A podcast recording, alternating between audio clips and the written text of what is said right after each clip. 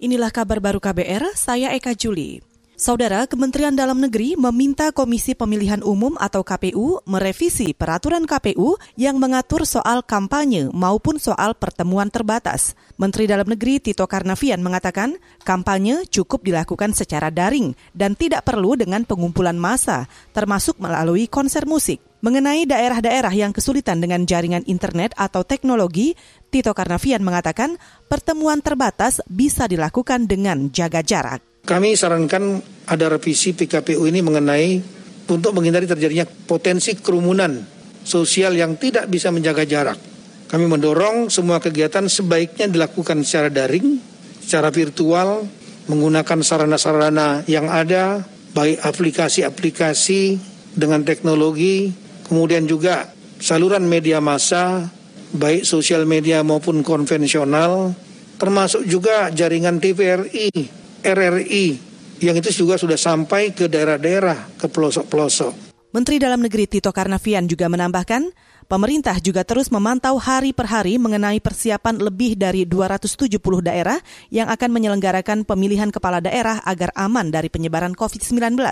Tito juga mengatakan pilkada tetap akan digelar sesuai jadwal.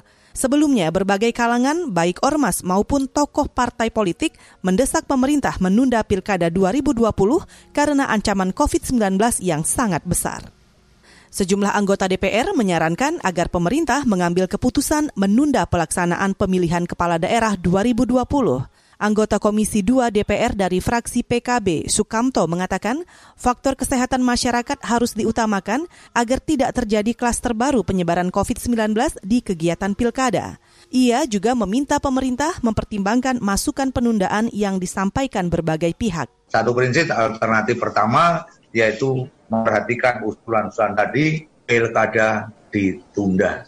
Ini alternatif yang pertama. Alternatif yang kedua, andai kata dipaksakan sesuai dengan jadwal dengan memperhatikan solusi dan kondisi daerah masing-masing. Anggota Komisi Pemilu DPR Sukamto menambahkan, jika pilkada tidak bisa ditunda semuanya, maka ia menyarankan agar penundaan dilakukan di daerah-daerah dengan resiko tinggi penularan COVID, seperti di zona merah dan oranye.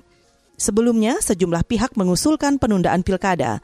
Usulan antara lain datang dari bekas Wakil Presiden Yusuf Kala, Komnas HAM, Ormas PBNU dan Muhammadiyah, serta berbagai kelompok masyarakat sipil. Dewan Penanggulangan Bencana Daerah atau BPBD DKI Jakarta mencatat ada 22 wilayah RT di Jakarta Barat terendam banjir. Banjir terjadi akibat hujan deras yang melanda kawasan Jakarta pada Senin kemarin. Belasan orang mengungsi akibat banjir itu. Ketinggian air rata-rata antara setengah meter hingga hampir satu meter. Saudara, demikian kabar baru. Saya Eka Juli.